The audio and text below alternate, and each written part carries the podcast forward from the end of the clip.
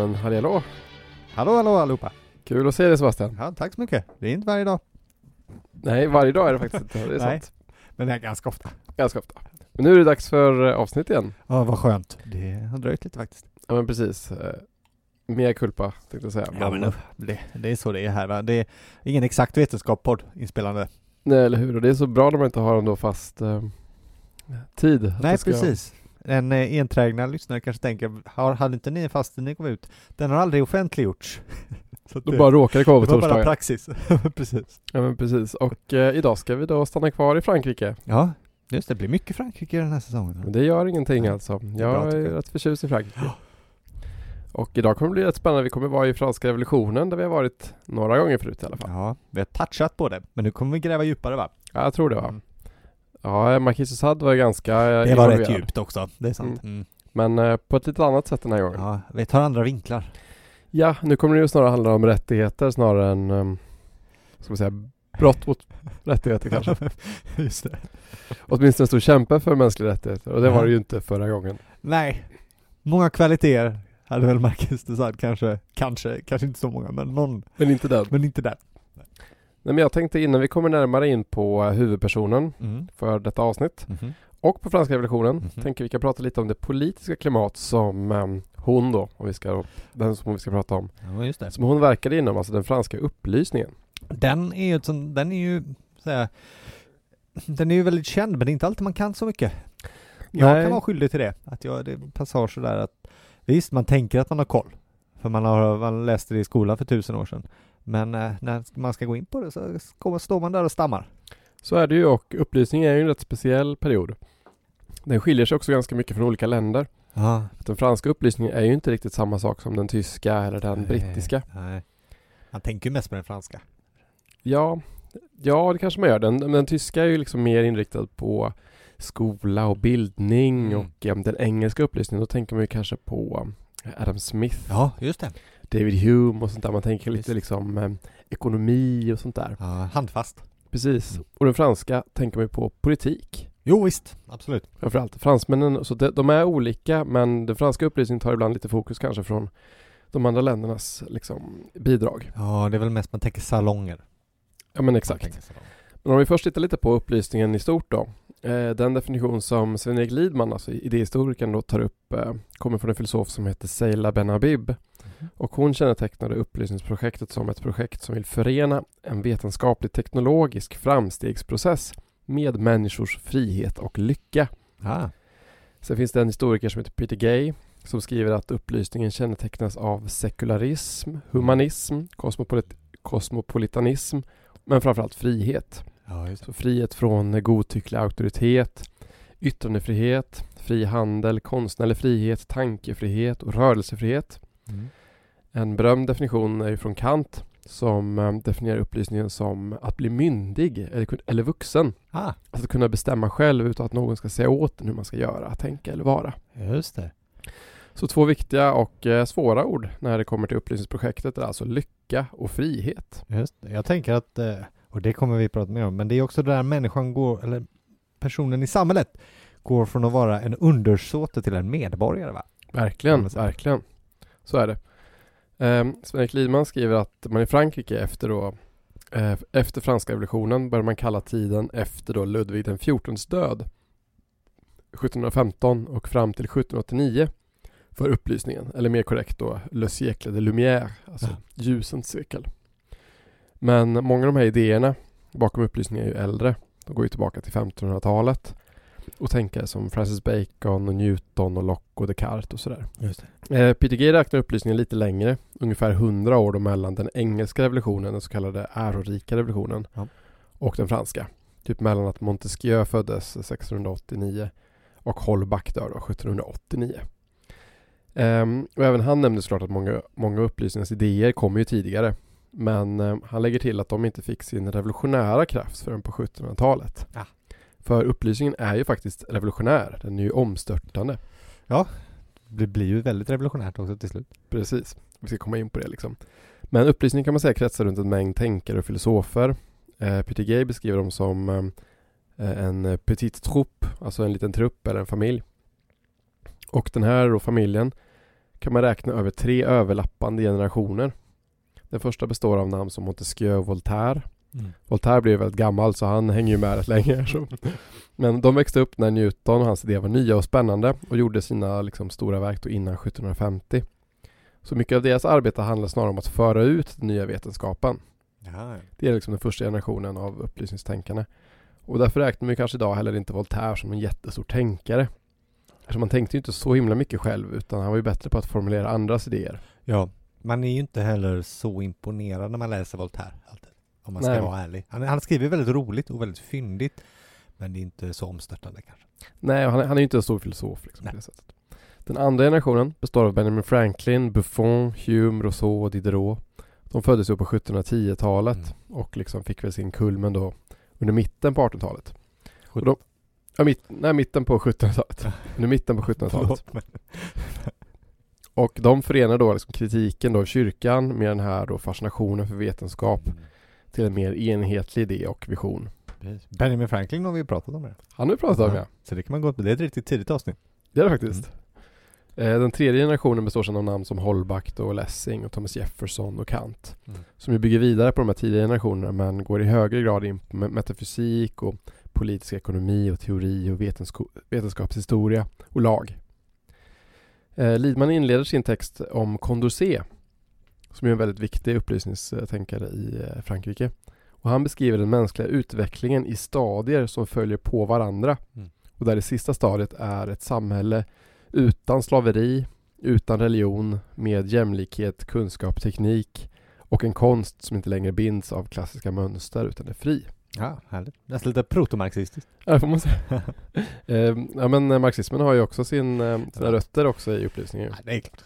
Har det ju.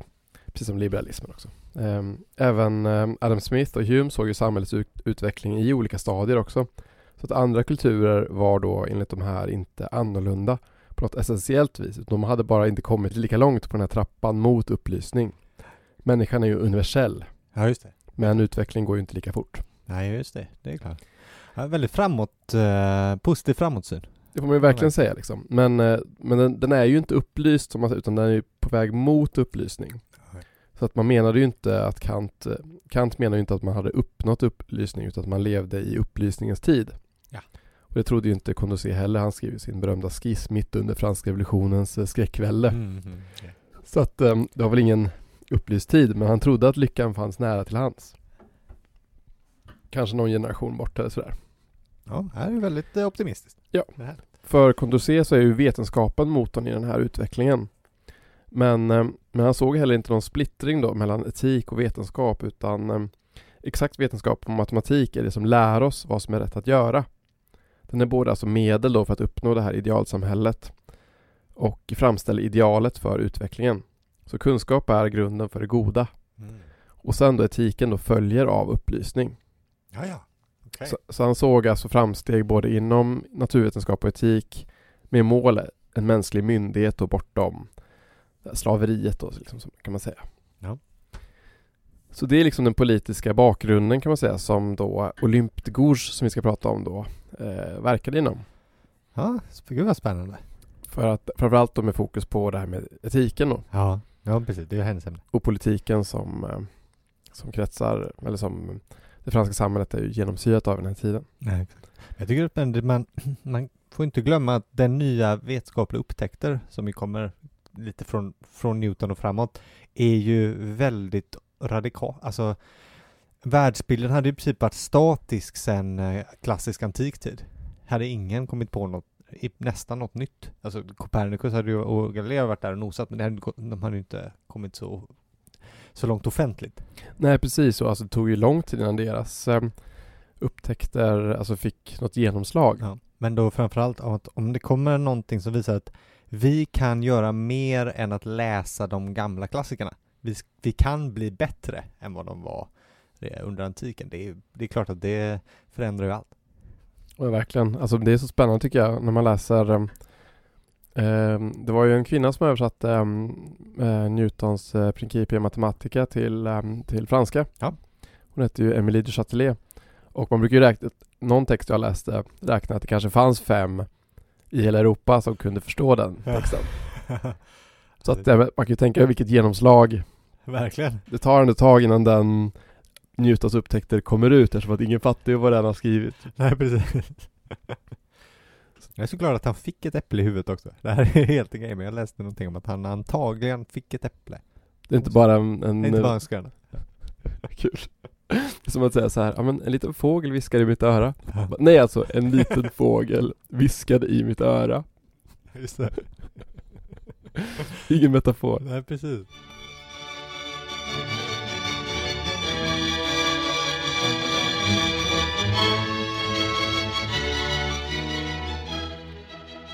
Men eh, Olympe Gouges då som vi ska prata om idag. Hon föddes ju 1748. Var en författare och aktivist.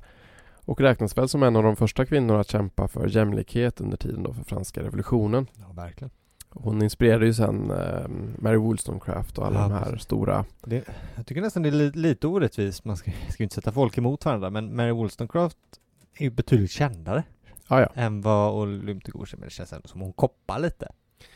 Ja, det här med beröm, det vet, vet man väl alla som eh, på ett vis har eh, jobbat med att lyfta fram kvinnohistorien. att det här med mm, rykte och berömdhet har ju inte alltid med um, insats att göra. Nej, nej men precis för att eh, det är ju alltså, nu är hennes, de är ju ganska annorlunda texter, men det är ändå, hon har ju snott titeln nästan. Verkligen. Och det här är ju verkligen, hon var ju verkligen en aktiv författare. Alltså hon har skrivit jättemycket, alltså 40 pjäser tror jag. Ja, det är himla många. Väldigt många. Mm. Och det som gör henne ganska, alltså kanske mest sympatisk, det är det som också ledde till hennes död. Mm. Alltså hur hon under revolutionen och terrorväldet står emot, står emot våld och det förtryck som revolutionen ju förde med sig. Modig får man ändå medge. Gud ja. Ja. Och modig i att vara den sunda personen. Alltså den som Ja, säger det här är för mycket. Den som inte liksom fångas upp av det här, den här våldsromantiken som Nej, sker. exakt. Nej, det är fint faktiskt. Men hon föddes ju med ett annat namn egentligen. Ja, vilken, eh, det var en twist när man skulle googla. Ja, så att hon hette ju Marie Gouze. Ja, Föddes i en by som heter Montauban ja just det. i sydöstra Frankrike. Ja, jag kollar upp. Det är ungefär fem mil från Toulouse för den som vill eh, orientera sig. Det kanske man vet var det ligger. Ah, ja. mm. Eh, och jag hade hittat en, en spännande detalj i liksom en, eh, vad vi kan kalla en djup googl- googlande runt det här på att eh, i samma stad, ett år senare föddes en person som absolut inte är särskilt känd nu, han heter Jean Bon Saint-André, men han eh, var också väldigt revolutionär. Han kom från en protestantisk familj och blev därför alltså, utestängd kan man säga från all form av eh, offentligt liv. För de, det var, mm, det var, man fick inte verka särskilt mycket eh, som protestant i Frankrike under den här tiden. Men när revolutionen kom så, så slog han på stort och gjorde en väldigt framgångsrik karriär och han blev eh, framförallt stor inom eh, flottan, men han hamnade också och satt i kommittén för den allmänna välfärden, eller välfärdsutskottet brukar man kalla det på svenska, men jag föredrar det, det andra namnet för det är lite mer så som det heter på svenska. Och var alltså en av de personerna som dömde Olympe de Gouges till döden. Oj, Mm. Jean Bon inte-. Så, och han var bara ett år yngre och det är en ganska liten stad så jag tror ändå chansen att de hade koll på varandra borde ändå varit hyfsat. Så det kanske var en personlig vendetta då? Nej, det, det vill jag inte säga, men det var ändå en eh, spännande detalj tyckte jag. Ja, verkligen. De rörde sig en lång bit. ja, verkligen. Men hennes eh, pappa var Mm. ju slaktare. Och hennes Ja, eh, mamma kom från en familj som sålde kläder eller arbetade med kläder. Enkla förhållanden. Ja. ja. Men dock verkar det som att hennes riktiga pappa ska ha varit eh, markisen de Pompignan. ja. Som då ska ha uppvaktat hennes mamma. Det. Hon ville i alla fall Ja. påstå att det är för. Och den här markisen av Pompignan hette egentligen Jean-Jacques Lefranc. Och var en eh, väldigt lärd och bildad man som skrev teater och poesi och kritik och debatt och sånt där. Han förnekade ju alltid sitt faderskap då. Mm. Och hade heller ingenting med eh, Olympe de Gouges eh, liv att göra. Även om dottern skulle ju ägna sig åt precis samma saker som han. Och det här, nu ska man dra sig det här till minnes, att han förnekade det, den, det, det, det, kommer, det återkommer lite. Gör det? Det återkommer lite. Ja, Mm. precis. Man kan också tycka att det är väl, det låter väl, det, de gjorde väl så. Ja, nej, men precis. Allsmän att de, ehm, Ja, men det är klart de gör det. ja, de gillade väl inte oäkta barn sådär. Nej, exakt. Men jag säger bara, håll det på minnet. Eh, och sen när hon var 17 så giftes hon ju bort mot sin vilja Mm. med en servitör som Ja. hette Louis Aubry. Just det. Och de fick också en son tillsammans. Men, men mannen dog bara ett år efter att de hade gift sig. Och då flyttar hon då till sin syster i Paris. Ja. Och det är då som då hon byter namn. Och hon tog ju aldrig sin mans namn heller. Nej, just det. Och, eh, och gifte aldrig om sig. Eh, Det finns väl någon historia om att hon skulle haft någon affär med någon rik fransk man. Men hon hade aldrig något, um, något äktenskap eller sådär igen. Nej, precis. Hon, var, hon hade ju en väldigt negativ inställning till framförallt sitt eget äktenskap. Tvångsgifte Mm. sätter väl en viss um, Ja, men- sur Det smak i väl munnen. också något citat av att hon giftes bort också utan någon eh, mening. Alltså han hade ju varken pengar eller status eller någonting heller. Så ett meningslöst tvångsgifte. precis. Och i Paris levde hon då ett väldigt socialt liv sen med salonger och mötte mycket intellektuella. Eh, delade samma krets som dem och lärde känna också Condorcet som vi pratade om innan. Just det. Sen var det på 1780-talet som hon började skriva dramatik. Och skrev mer än 40 stycken pjäser. Och eh, på grund av den politiska spänningen i Frankrike då så blev hon också mer politiskt aktiv. Mm. Så hon har skrivit väldigt mycket politiska texter. 68 pamfletter har jag fått det till. Det är många. Och det är nu vi kommer tillbaka in på upplysning här då. För problemet här är ju definitionen av de mänskliga rättigheterna som ju kommer till under upplysningen i Frankrike. Men ehm, problemet här är ju inte att de... eh, det är ju bra att det kommer till rättigheter. Absolut. Alla är ju positiva än så länge. Men det svåra är ju vilka som räknas som människor. Just det. Just det. Men! är ju skor. Precis. Det är ju så med, ehm, med både franska och engelska att ehm, men, mänskliga rättigheter heter ju droit de l'homme eller rights of man. Och inte som på svenska då, men mänskliga Nej, rättigheter. precis. Men i skor ska det vara. Precis. Som har rättigheter. Och den första frågan som faktiskt engagerar Olympe de Gouges det är ju frågan om slavarna i de franska kolonierna. Just det. Det kan man ju också undra sådär med, med när det börjar komma mänskliga rättigheter. Jag menar inte de människor? Ja, precis. Så redan 1785 satte hon upp sin pjäs eh, L'Esclavage de Noir, alltså de svarta slaveri, på en teater som heter Comédie Française. Och ehm, slaverilobbyn försökte då såklart få pjäsen nedlagd. Ja. Men hon lyckades faktiskt på laglig väg få teatern att sätta upp den ändå. Just. Hon stämde teatern till och med. Precis. Det är coolt. Så att genom lagens eh, rätt, så att säga. Ja. Men efter bara tre föreställningar så lades den ner ändå. Eftersom att den här slaverilobbyn hade betalat folk för att häckla och förstöra alla föreställningar. Ja, man kan tänka sig att de hade lite pengar. De hade nog det. Ja. Det är som så här när man försöker få till ett rökförbud eller sådär så, så kommer liksom the big money fram. Ja, precis. Men, men det här, men hon har också gjort många fler grejer om, om det, just slaveriet. Alltså 1788 satte hon sedan upp, upp dramat eh, Samour et Misa ou L'heureux naufrage. Där hon då återigen kritiserar just slaveriet. Mhm. Men den här pjäsen blev förbjuden efter tre föreställningar. Ja, just det. Så att det går inte så bra för de här. De är alldeles för radikala så att säga. Ja. Och samma år skrev han också en um, mer resonerande text som heter eh, Reflexion sur les hommes nègres, alltså reflektion över de svarta människorna. uh, I vilken hon argumenterar just för sympati med slavarna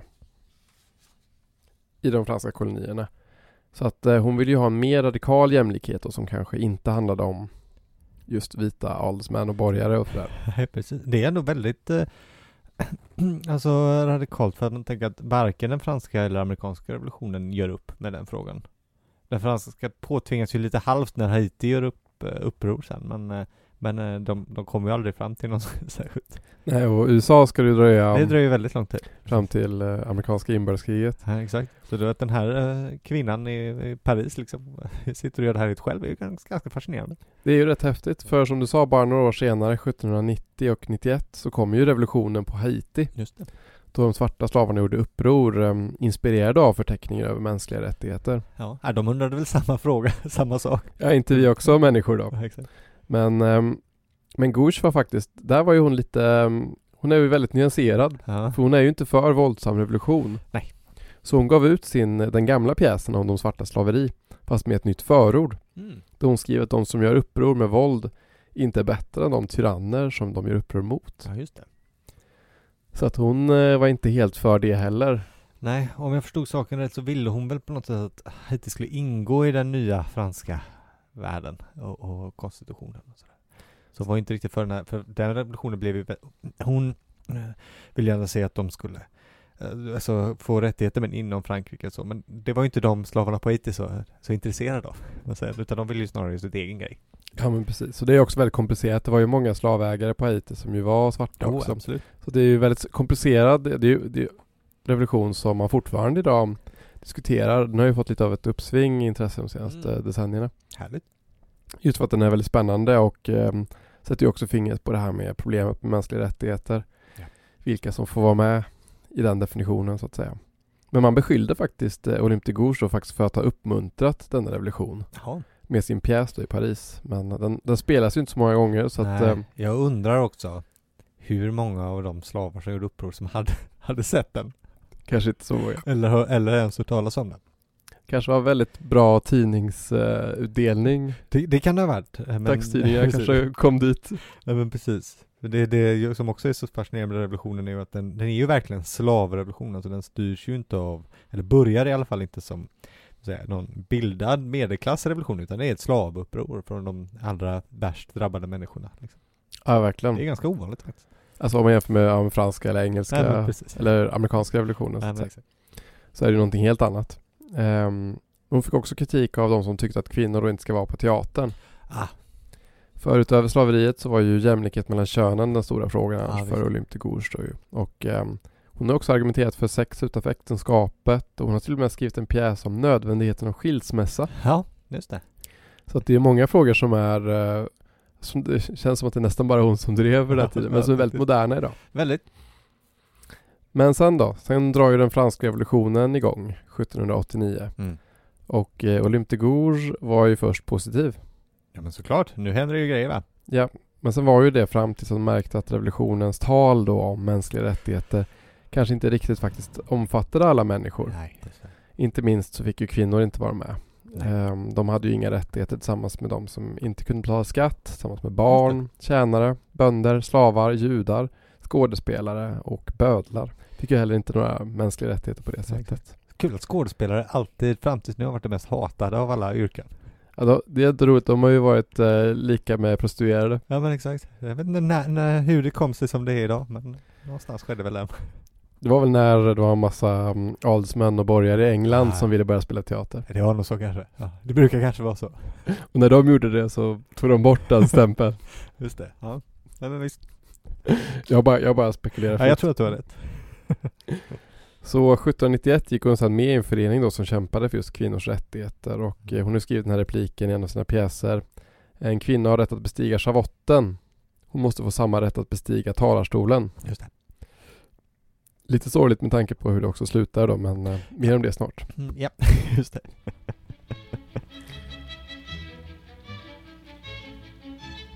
Reklam. Det här, det här att jag säger reklam är ju inte mer att du ska ta med som du gjorde förra gången utan det är ju för, eh, Jag tyckte det var roligt. för uh, klippningens skull. Men det var ju kul. Det var det. Eh, det var jättekul. Ehm, Den här podden görs ju tillsammans med Delfine förlag Ja. som vi driver med kärlek och stor möda. Driver och driver med. Exakt. det var så roligt att jag började skratta. Eh, och eh, vi släpper ju klassiker. Det gör vi i alla Mm. fall två stycken har vi hittills. Precis, man kan köpa Prea Peja, eh, antikens mest skandalösa diktsamling. Som är första, finns för första gången på svenska, tack vare Carl Magnus Juliusson här i studion. Jära, jära. Ja, Snyggt! Och Agricola, en riktig tungviktare av Tacitus. Får man väl säga. Ja. Krig och politik. ja, men precis. Och den står eh, undertecknad för, så det är jag, Sebastian Mernhard. Yes. Härligt. Och eh, sen kommer det komma lite mer. Det gör det. Och så här i vintertid så tänker man ju kanske på det höga Norden. Det gör man. Och kalla, kalla länder. Kalla Norden i alla fall. Det kalla Norden, precis. Och då kan man ju tänka tillbaka på hur det var förr i tiden, inte bara på julen utan även annan tid. När man pratade och så, så då kan man läsa Skogskärbergbos Det svenska språkets klagomål. Precis. Mhm, En eh, av de första svenska texterna som finns. Men vad är det han ska klaga på? Ja, Ja. det får man läsa. Det får man läsa precis. Och den kan man läsa och njuta av. Precis, och kolla in eh,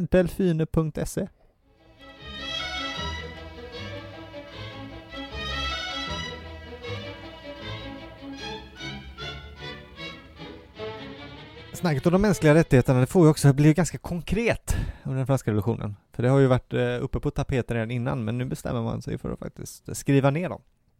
formulera ett gäng eh, artiklar som kallas med vad är mannens, människans rättigheter. Och den som får det uppdraget, eller som tar sig an att göra det, det är ju inte vem som helst. Utan det är en man som heter Marquis de Lafayette. Mm. Precis, och eh, han är något så ovanligt som en person som i princip är älskad eh, i alla läger. Och eh, var han än, vad han än var eller gjorde.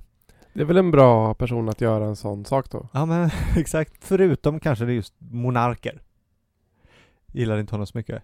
Um, för han, han är en helt, helt galen personlighet som kom från en fin fransk adelssläkt, växte upp nära kungafamiljen, men som redan som 17-åring bestämde sig för att åka över till USA när det vankades revolution för att anmäla sig frivillig till den amerikanska kongressen och ja, säga att hej, jag vill vara med slåss. Jag vill vara med.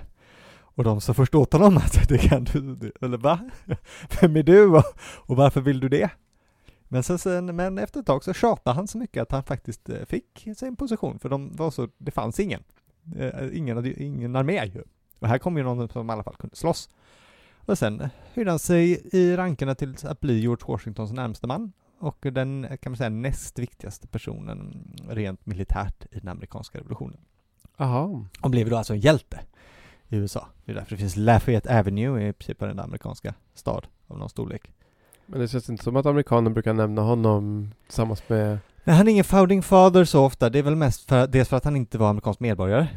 Är väl lite att Frankrike ska få lite cred. Nej, men precis. Det var också han som åkte över till Frankrike och gjorde så att Frankrike eh, stöttade eh, den amerikanska revolutionen. Och åkte över där, där bland annat Axel Fashion från Sverige var med och åkte över och slogs för, för att hjälpa amerikanerna. Och sen åkte han hem, eller med nya tankar och hamnade såklart mitt i smeten igen för att det är ju nu då som kungen eh, 1789 sammankallar eh, stånden för, för att lösa den ekonomiska krisen som har drabbat Frankrike. Det här är precis innan Bastiljen faktiskt sker det här. Och eh, då är ju Lafayette där för han tillhör ju adelståndet. Så han sitter ju i det andra ståndet, så helt enkelt. Och är på alla de här mötena, men han väljer att gå ut och gå med i det tredje ståndet, alltså borgarna och bönderna, när de bryter sig ur eftersom de aldrig hade hänt någonting. Och tar sig då uppdrag att vara den som formulerar vad som ska bli en konstitution för Frankrike baserat på den amerikanska.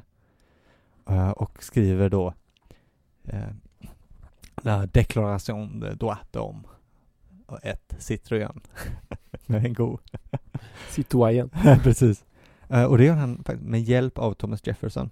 Så om man läser den och tänker det här låter lite igenkänningsbart va, från andra saker jag hört, då är det ingen slump, utan både Lafayette och Thomas Jefferson har ju varit med och jobbat med den amerikanska nationen. Så det är i princip samma. Och eh, vad säger de? Alltså Lafayette skrev inte den sista, han skrev en, en kladd och sen fick alla gå och pilla på den. Någon behöver göra det också. Någon behöver göra det, precis. Och det är väldigt lätt, alltså det, redan i början så är det ju att varje människa har fötts, eller varje man då har fötts lika och har fått lika eh, rättigheter. Så det är ju, det är, och det är ju och det är grund. Och då en väldigt speciell formulering då som är att all makt utgår från nationen. Och med nationen menar man ju folket. Det här har ju letats in i Sveriges grundlag. Det som, är där, som ju öppnar med orden all offentlig makt utgår från folket. Aha, ja, ja. Så det är samma formulering. Det är ingen formulering man slänger med så ofta kanske. Nej, precis, men det ska man veta att den står där i alla fall. precis. Och då att alla poster ska vara öppna för alla oavsett klass.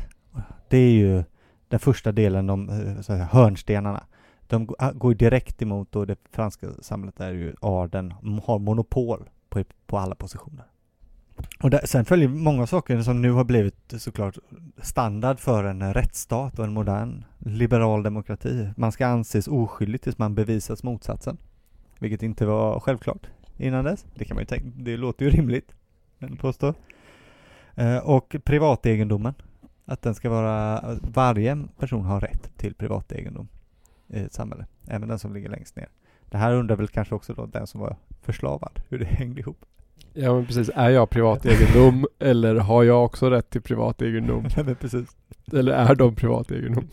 ja, exakt, de sakerna det kan man ju, det fick man väl debattera då? Ja. Jag har väl rätt till privategendom? Nej, nej, du är min privategendom. ja, det, det, det måste varit lite av, lite svårt att hantera kanske också. Ja, exakt. Dessa fina ord såklart. Ja, exakt. Och sen kommer också religionsfriheten in. Men det var ju också då, vi ska, vi ska inte pika allt hål på Lafayettes fina, fina text. Han gjorde väl så gott han kunde med, med sina förutsättningar. Men även judarna då undrade ju, vi har ju inte fått någon rättighet. Nej, vad får vilken religion som helst av katolicism eller protestantism. Exakt. Vilken stor frihet. Ja, men. Men det ska också läggas in att alla i princip artiklar i, i den här eh, deklarationen har en, en, en liten brasklapp. Vilket är att de alltid lägger in någonting i stil med i privat sammanhang. Eller till exempel att det ska inte finnas några sociala distinktioner så länge de inte är nyttiga för nationen. Ah, Okej, så viss orättvisa kan ändå Den här typen av saker förekommer i, i genomtänkande och kan man ju se lite att det är ett verk av många, många fingrar, många kockar i en paj va? Mm. Och man vill eh, gardera för alla. Ja. Men det är ju en bra målsättning också att, att Ja, även, om, även om många av sakerna var svårt att omsätta i praktiken Mm. så var det åtminstone ett perfekt ideal att Exakt. sträva mot. Och eh, Lafayette, han, eh, han jobbade ju för revolutionen ända tills Napoleon, för han hatade Napoleon. Och vägrade. Napoleon frågade om han ville vara med, men han sa tvärt nej. Han, han lämnade inte Frankrike. Utan han satt kvar i, i, i nationalkonventionen och, sa, och skrek och sa att allt var skit hela tiden. Tills Napoleon blev kejsare. Då blev han några tyst i några år tills Napoleon åkte ut i regn. Då satt, kom han tillbaka igen. Han hade bara väntat på att Napoleon skulle falla. Precis. Och hängde kvar så länge att kungen eh, Louis Philippe sen in på 1830-talet, då var han fortfarande en eh, arg gubbe i, i riksdagen som klagade till den grad att eh, när han dog sen, och då, för då var det ju en monarki, även om det skulle vara en så kallad liberal monarki, vägrade tillåta honom en offentlig begravning. Jaså? Utan, och ingen fick gå, så han fick, de fick ha vakter runt begravningen så att inte någon skulle kunna gå och hedra honom. Men eh, sen, sen efter det så har han fått en lite pampig grav, där han faktiskt ligger begravd under mark från Bunker Hill i Boston, där det första slaget i den amerikanska revolutionen var. Var det en begravd i Boston? Eller Nej, ja, de har tagit mark från Boston. ja, de har tagit jord från Boston för att lägga jord, på hans grav. Mm. Det är rätt så, det är ändå en procedur. Han kallas ju hjäl- de båda världarnas hjälte. Wow. Så han är väldigt populär. Men Gouges hade ett par saker att peka ut här va, som var Mm. lite knepigt. Ja precis, för att hon eh, tyckte väl att den här texten är väl fin och bra men um, hon har kanske glömt någonting. Ja men exakt, just det. Kvinnorna va? Det är så lätt hänt va? Ja, När, när grabbarna festar. ja men eller hur? Det är tråkigt. Ja, det ska vi inte, det ska vi inte uttala oss om. Precis. Men så hon tänker då att då gör hon en förteckning över de kvinnliga rättigheterna Mm och eh, för den kvinnliga medborgaren. Just det. Eh, och även den, alltså, har ju, nu har ju den inte, den blev ju rätt hårt ansatt ju. Eh, och även Olymp själv. Men vissa saker även i den har ju letats in i vår, våra moderna lagtexter och blivit hörnstenar, skulle man kunna säga, i det moderna samhället. Va? Eller i en rättsstat. Överlag så är ju hennes text samma som den andra, bara att hon har lagt till kvinna eller ibland bytt ut kvinna. Sen har den ju också en hel del, vad ska man säga, lite mer stridsskriftsdelar. Så den inleds med och runt i mitten kommer det liksom eh, texter till läsaren. Framförallt till kvinnor, för den är ju riktad till kvinnor. Och en del är riktad till män. Hur kan ni män som begår sånt här våld på oss påstå att det finns något sånt där som rättigheter? Liksom. Och sen är det till kvinnor. Kvinnor, vad har revolutionen gjort för er? Är det inte lika, är det inte exakt likadant som det var förut? Och de är ju faktiskt också, mm, de är ju tillägg men de gör det lite mer personligt och, ja men, alltså det är faktiskt en, det är en riktigt bra poäng. Vad har revolutionen gjort för oss? Ja, men precis, jag vet inte om det, om, det, om det jag säger nu är helt rätt men jag har för mig också, hon är rätt tidig med att använda mm, den kvinnliga ehm, böjningen av medborgare. Ja, just det. Alltså citoyen heter, Mm. ju- är det på franska men citoyen då blir ju, blir ju medborgarinna om man ska översätta det så. just det. Och att eh, det är ju någonting nytt eftersom de in, är ju inte medborgare på samma sätt som Nej. en man är. Ja, exakt. Men hon då genom att böja om ordet gör då kvinnor också till medborgare grammatiskt. Ja, nej, exakt. Innan de kanske ja, är det rent praktiskt. Liksom. Nej, det är väldigt spännande. Eh, och som jag sagt, så utöver då att de flesta artiklar är i princip samma fast där man har ändrat om i kvinnan så har hon några intressanta tillägg. Som, som jag sa då, hennes, man ska inte vara för personlig här kanske och säga att det, det var det, men om, det är möjligt att hennes egen far försakade henne, så har hon inlagt den att modern utpekar fadern. Eh, för, tänka, för så är det ju i, ett modern, i moderna samhällen, i princip alla, att den en modern säger är fadern, är det, eller måste testas för att vara fadern. Så om en för, kvinna föder ett barn och, säger det är pappan, då, eh, då, har liksom, då finns det vissa skyldigheter som kommer med det, och du har ju även skyldighet till ditt barn. Ja. Eh, Så var det inte, utan tvärtom kunde du ju bli ehm, dömd för förtal om du påstod att, du, att det var någons barn ja. i det i förrevolutionära Frankrike. Det sätter ju väldigt tydligt vem det är som har makten i den Ja men exakt. utpekandet. Ja men precis. Eh, och, så, och, det, och, det, och det för hon in då att det ska vara så att modern säger vem som är far. Moderskapet, eh, utpekar faderskapet. Det, det, det kan man ju tänka kan också ha lite att göra med den situationen. Det kan det faktiskt att hon verkligen har fått uppleva. Nu vet ju inte vi hur relationen var med hennes mamma och hur det kändes med den nya pappan och sånt där. Men, men det måste ändå ha präglat någon, någon form av samliv också. Och, eh, det är svårt, man ska inte spekulera för mycket i det men oavsett om hon identifierade sig med sin utpekade pappa så Mm. valde hon ju ändå ett liv som var väldigt likt hans. Visst. Samma typ av verksamhet och samma typer av både teater och debatt och polemik och Ja. det, ja, men det lärda livet liksom. Ja, exakt. Sen återför han ju den här poängen med att kvinnor kan dömas av eh, lagen, men de har ingen rätt att eh, påverka den. Eh, och den uppenbara orättvisan som finns i det. Och det här är också en fråga, den, den är ju lite lik på vissa sätt den amerikanska revolutionens fråga om att, eh, för de menar ju också, vi måste ju lyda under, under lagarna, vi måste betala skatt, men vi har ingen eh, rätt att, att göra något. Liksom. Vi har inte rätt att rösta eller något sånt där. Så det var, en tidsfråga kanske.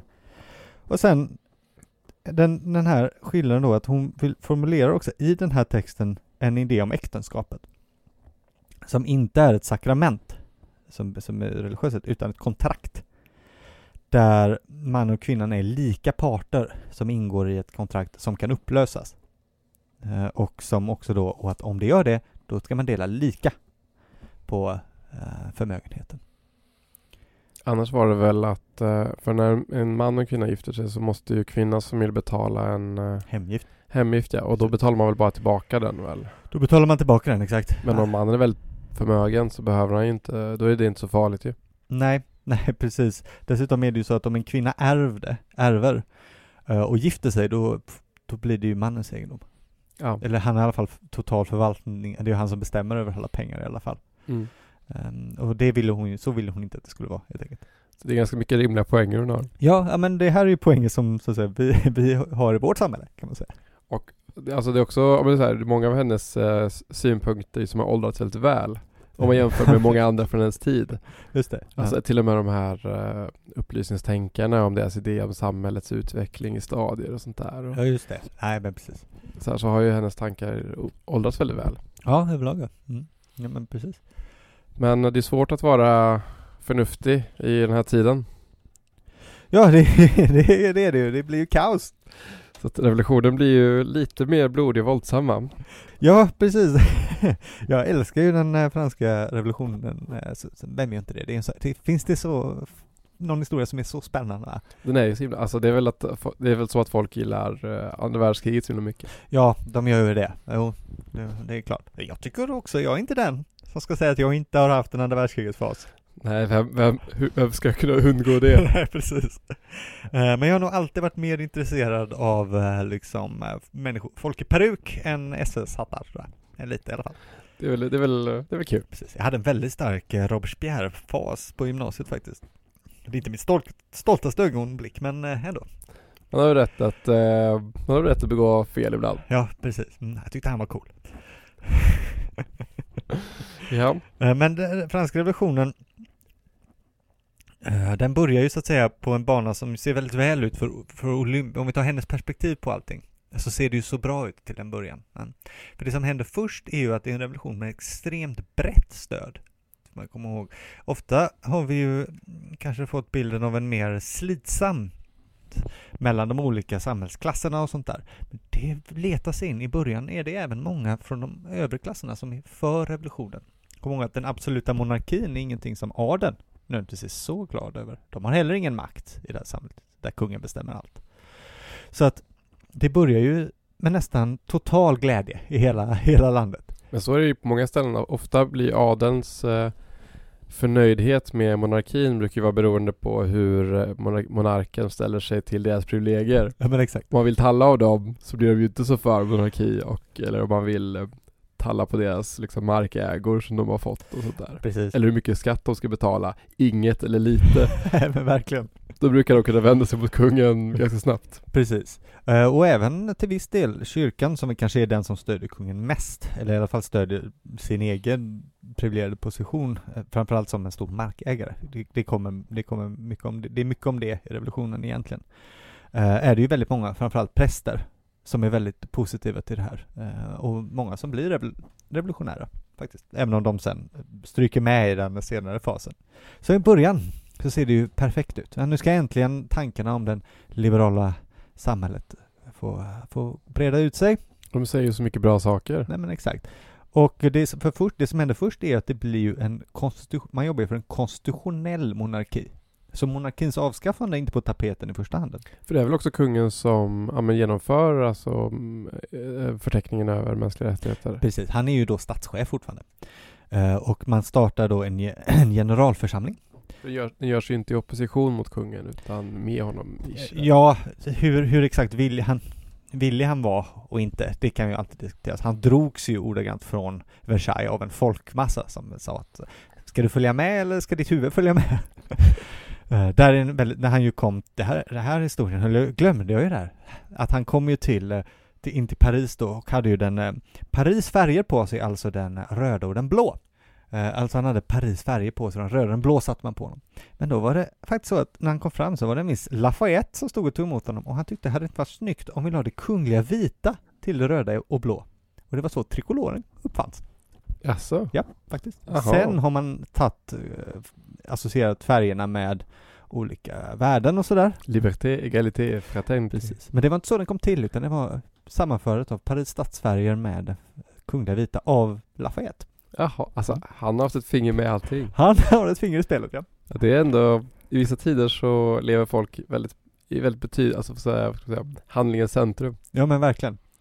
Han, han, han, var ju, han var ju född in i handlingens centrum till viss del.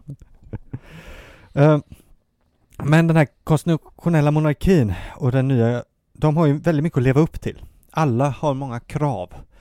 Folk vill ha dels politiska friheter, men revolutionen kom till viss del del på grund av att Frankrike var i ett väldigt stor ekonomisk knipa. Inflationen var skyhög och skulderna var ju i taket. Och det här befann ju nu sig den, eh, den här nya, den nya regeringen i ett problem med. Hur, vad ska vi göra åt det här? För det här går ju inte att lösa över en dag. Och man gör flera saker, man konfiskerar kyrklig mark, det fanns ju mycket som helst att ta av den, så det, de privilegierna, de är slut på nu. Konfiskerar den och ska sälja ut den, det hjälper en liten stund. Och man börjar med de ena sakerna, man börjar trycka ofantligt mycket pengar. Eh, för inflation var ingenting man riktigt hade förstått exakt hur det fungerade än. Så tänkte man att det kommer lösa sig. Så det är det ena problemet. Det andra problemet är ju att massa länder omkring blir lite stissiga. Och folk är lite, där börjar de undra, eh, det här med revolution ser inte så bra ut, ska vi ta och försöka sätta, sätta P för det här? Så det är ganska snabbt krig mot Frankrike. Dessutom så håller kungen på att lägga veto på en massa lagar hela tiden. Och det är inte alla som är så glada på. Och, han, han- och, och de som protesterar, de blir ju till och med skjutna på Jean de Mars. Så det är ganska snabbt finns det en, ny, en, annan, en stor grupp människor som är väldigt missnöjda med vart revolutionen är på väg. De vill ha mer förändringar. Och de vill ha förändringar nu. Och då bestämmer man sig kan man säga, vi ska dra det samt för att få införa en republik istället. Och gå hårdare åt. Nu, ja, slut på adelsprivilegier nu. Nu ska vi ha en riktig republik med medborgare va. Vi ska inte ha någon kung längre. Eller något i det staget. Och då rampas ju problemen upp ännu mer. För då blir grannarna ännu surare. Och krigen blir ännu fler. Och kungen, han börjar ju i smyg, han försöker fly och han försöker samarbeta. Så vi kan säga att mer och mer radikala krafter får mer och mer ved på, på eldar hela tiden. Dessutom så har ju nu de här sakerna man försökte för att lösa ekonomin gjort att den kraschat ännu mer. Inflationen är så hög att du behöver liksom nästan ett års inkomster för att köpa vad som helst. Och när, all den här kyrkliga marken, man kan inte bara ta en massa mark och sälja ut den, för vad händer på priset på mark då? Den faller va? Den faller va, den blir i princip noll, så det blir inget värt ändå.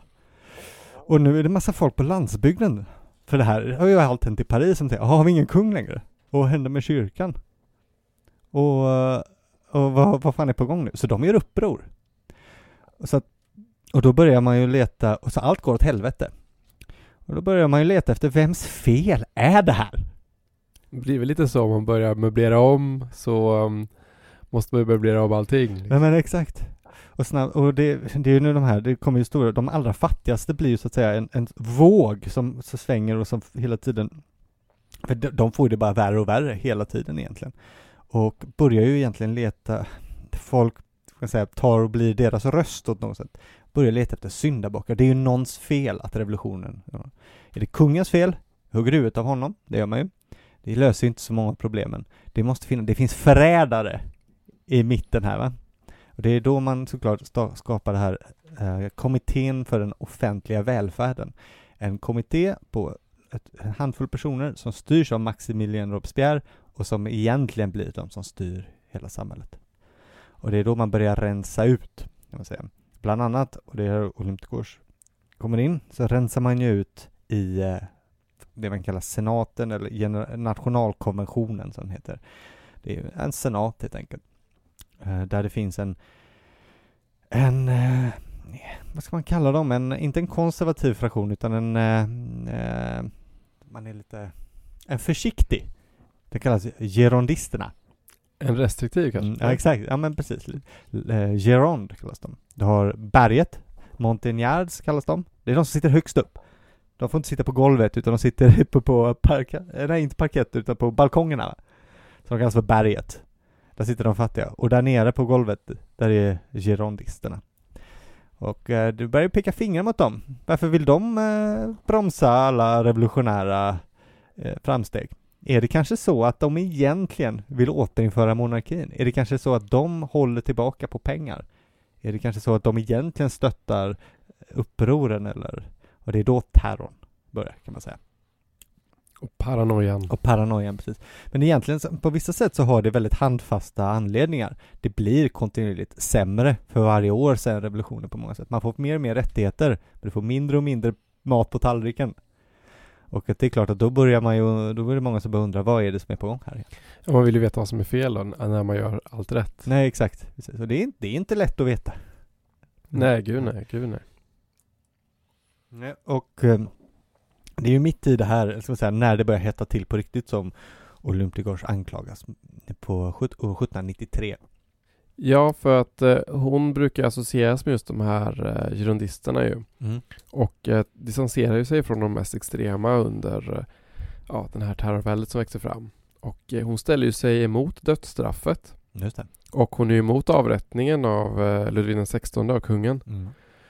Och hon utmanade och kritiserade Robespierre eh, offentligt. Ja, det är farligt. Ja, inte alls problemfritt får man Nej. säga. Men man brukar räkna att sista spiken i kistan det är en skrift som hon skriver som heter eh, Les Trois Urnes, alltså de tre urnorna. Ou le salut de la patrie, alltså, och, eller hälsningen till eh, ja, fäderneslandet. Eh, par un voyageur aérien, alltså från en um, luftresa eller vad man säger. Mm. Som kommer då 1793. Och det är en text som diskuterar tre olika sorters styren. Ja. Alltså ta en, vad säger man, Unitary Republic, är det förenad republik? Ja, en eh, federalstat skulle man kunna kalla det kanske. Men det är, det är, en, det är den Aha, andra. Andra. Nej, nej, det, okay. nej, nej, den unitary, det är det som de har, alltså ja. en, en republik som styrs ifrån en centralregering. Ja, mm. så det ena är ju den typen av republik då, det andra är ett federalistiskt då styre. Och den tredje är en konstitutionell monarki. Precis, det här var ju saker som många eh, inom Gironde, framförallt en federalistisk stat där inte allt skulle styras från Paris. Det här var en av de punkter som jakobinerna då, eller montenegrinerna ansåg var mest förrädiska. Att man försökte då urholka revolutionskraften i Paris genom att skifta makten åt de mer konservativa delarna på landsbygden. Ah. Mm. Så att, eh, men eh, enligt revolutionens lag så var det också förbjudet att skriva något som um, uppmuntrar till att återinföra monarkin i Frankrike. Ja, just det. Så det fick man inte göra. Den yttrandefriheten försvann rätt fort. Den, den ryker först ofta. Mm. Så att hon blev arresterad då i juni samma år, 1793, ihop med många girondister då. Um, som när de blev då avsatta av jakobinerna va? Ja, precis. De blev avrättade. De blev avsatta först, men de blev avrättade sen. Ja. Eh, hon fick ingen advokat Nej, utan nej. hon fick försvara sig själv. Och eh, det som hon blev anklagad för det var ju opposition mot dödsstraff. Nej men precis, men det är ju då, om man tänker att opposition mot dödsstraff, det låter ju lite som att man inte vill rensa ut de eh, krafter som försöker förstöra revolutionen. Men det är ju rätt sjuk sak om man tänker på att bli, eh, bli, som, ja, bli dödad för. Ja, nej precis.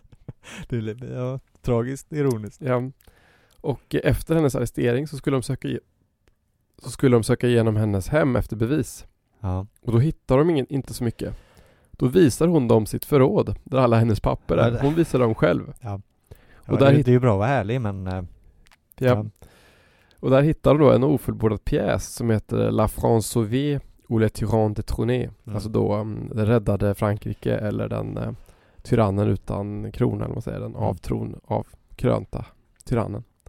Och den har jag faktiskt läst. Ja, vad, men vad härligt. Och eh, den är inte fullbordad men Är en pjäs som då handlar om Ludvig den XVI och Marie Antoinette. Mm. Även kungens syster är med. Ja. Okej. Och ehm, det som händer är att eh, utanför deras palats då så är det lite olika läger som eh, bråkar med varandra. Mm. Revolutionärerna men också royalisterna som höll då på att ehm, eh, vad ska man säga, samlas. samlas. Så att det, det liksom sker ändå att det ska ske ett uppror liksom, av royalisterna. Okej. Och Olympe de Gouges är faktiskt med själv i pjäsen. Ja, vilket eh, spännande drag. Verkligen, och det är en ganska konstig scen får jag säga att hon kommer då till slottet Ja. på besök och eh, hon skrattar åt dem och trotsar liksom alla kungaetiketter. Okej. Hon får ju inte träffa Marie Antoinette då för att eh, det verkar finnas någon regel att um, kungligheterna får inte träffa vanliga människor. Nej. Nej, så var det väl åtminstone innan eh, revolutionen såklart. Ja, så att hon får liksom träffa någon form av hovdam tror jag. Mm. Medan Marie Antoinette tjuvlyssnar i typ en skrubb eller någonting på vad hon säger. Okej. Och då håller Olympe de Gouges typ en föreläsning om hur de borde styra upp landet och undervisar då den här kvinnan om jämlikhet och frihet och skäller på att deras rank eller familj inte ger dem rätt att förtrycka människor Nej. och att det är bara om de beter sig rättvist och rätt som de kan förhindra Ja. en mass- massaker. Än så länge låter det ju inte så, eh, alltså, det låter något som revolutionärerna skulle tycka lät helt okej, ändå helt okej va? Ja, Ja. Lite, lite mesigt kanske, men men det är väl det att hon argumenterar ju för hur de genom att vara goda kan behålla sin monarki. ja, ja, jag förstår. Problemet är ju eh, monarken, inte monarkin då. Precis. Så att, aj, aj, aj. så att både Gouges och de som anklagar henne använder pjäsen som bevis. Så Ja. de som anklagade henne använder den då för att eh, de menar att hon då försöker skapa sympati för drottningen Mm. och eh, att hon argumenterar för liksom genom reformer en, en monarki då. Ja. Medan Gouges menar att hon inte alls visade Nej, menar att hon visade att hon stod med revolutionen och var emot kungafamiljens tyranni. Ja, okej. Ja. Mm. Tre månader i fängelset blev det för henne. Ja. Ehm, och genom hennes Det var vänner hårt men... Ja. Men genom hennes vänner fick hon ut ytterligare två texter om sig själv då och Okej. eh, under revolutionstribunen där hon går igenom sina anklagelser och eh, förklarar sig helt enkelt. Ehm, och den sista texten hon skriver heter då Un patriote persécuté, Ja. alltså en förföljd patriot då som skildrar den här terrorn då. Och det här är väldigt, eh, alltså väldigt storslagna, väl, hon, är, hon är väldigt osentimental och väldigt eh, driven får man säga i de här texterna. Ja. Och hon avslutar ju då den här sista texten med eh, döden eller frihet. Mm. Så att hon kämpar ju eh, vad ska rakt in i döden. Ja. Sam- och samtidigt skriver hon då från fängelset hur, eh, hur Robespierre då är ambitiös, utan talang, utan själ. Ja. Och skulle kunna offra hela nationen för sitt, eh, sin diktatur liksom. Det finns ju en ganska vanlig karikatyrteckning från lite, lite senare här, kanske även just då, som är en, att um, Robespierre står själv och hela Frank, han har liksom giljotinerat alla hela Frankrike och håller på att giljotinera böden då för att han är den sista kvar. Ja, det, det, det är ju mörkt och kul liksom. Ja. Och hon skriver liksom sådana här saker som eh, Skaka, ni moderna tyranner. Min röst ska höras från botten av min grav. Ja. Och det har hon ju rätt i får man ju säga. Liksom. Ja, nej, visst, visst. Hon har, hon har ju väl kanske överlevt lite bättre än, än dem. Mm.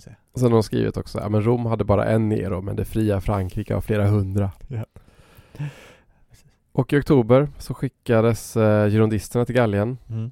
och i november 1793 så giljotineras hon då ungefär samtidigt med Marie Antoinette tror jag. Ja, just det. Och, eh, hon dör, 40, 45 år gammal tror jag. Ja. Och eh, man har faktiskt i modern tid diskuterat om hennes aska då ska föras till Pantheon. Ja, jag hörde, såg det. Det är ju Rousseau, Voltaire och alla ligger. Ja. Josefin Baker inföddes eh, nu senast. Ja men precis. Ja, det var kul. Det är ju häftigt. Men det är ju lite svårt där med hennes kropp. Alltså jag har inte riktigt förstått det för att hon begravdes ju på Madeleinekyrkogården Mm. Som inte finns kvar idag. Nej. Så frågan är ju väl hur om det finns någon kropp man kan föra dit ens. Nej, den slängdes nog i någon massgrav va? Ja, och om den låg på den kyrkogården så är den väl eh, kanske, jag vet inte, då kanske de finns liksom i katakomberna eller något. Ja. Och, och det är ju så att alla, alltså revolutionärerna var ju väldigt eh, förtjusta i att eh, tömma gravar ju. ja. De har ju tömt eh, otroligt många gravar, alltså både kungagravar då i Saint-Denis och sånt där och eh, de ville inte att det skulle finnas några minnen av de här så de brände ju alla ben och sånt där och Nej, precis. Så att om det, det kan ju vara därför hon inte är i Pantheon heller, för att det inte finns så mycket att ta dit och eh, i så fall skulle det bli någon slags minnesplakat i så fall. Ja, nej, exakt. Det finns, det finns ju en del plat, eh, platser uppnämnda efter henne, gator och torg och sådär. Men annars, annars får jag ändå säga att alltså, jag, hon är ändå, ändå fortfarande ganska okänd. Alltså, alltså, det börjar väl krypa upp mer och mer i rörelsen för att lyfta fram kvinnor, men även där tycker jag att hon, man, man fick ändå leta lite faktiskt. På Verkligen. eh, henne. Om man, det är inte så att det finns en miljon dokumentärer att kolla på, att det bara är till biblioteket och plocka ut en stor fet härlig biografi och börja läsa, utan Nej, man får ta liksom de små, små stenarna och bygga upp. verkligen, men det kommer nog förändras snart. Jag tror det Mm. kommer en biografi 95 eller något sånt där. Okej. Men det är fortfarande ganska sent för Ja. en 1700-talsperson. Nej, verkligen. Eh, så att eh, vi får, väl- ja, vi får hoppas att det händer. Eh, men ja, det var ett tragiskt slut och revolutionen fortsatte ju sen att vara tragiskt ett tag. Terrorn började ju, sen började den ju drabba, de, majoriteten av de som avrättades blev ju sen helt vanliga hantverkare och bönder. Tills Maximilien Robespierre blev giljotinerad med ansiktet uppåt.